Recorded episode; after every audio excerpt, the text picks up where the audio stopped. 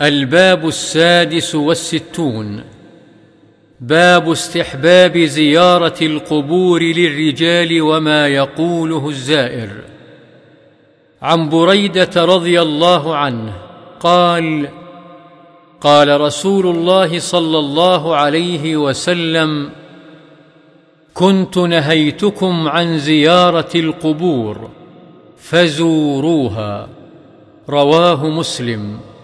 وفي رواية فمن أراد أن يزور القبور فليزر فإنها تذكرنا بالآخرة.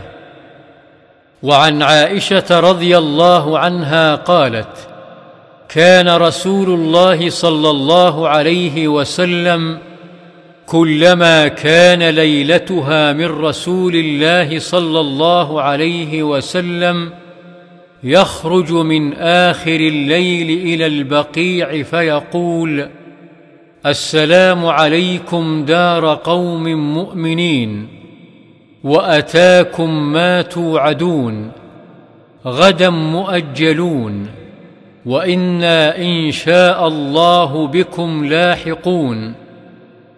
اللهم اغفر لأهل بقيع الغرقد. رواه مسلم.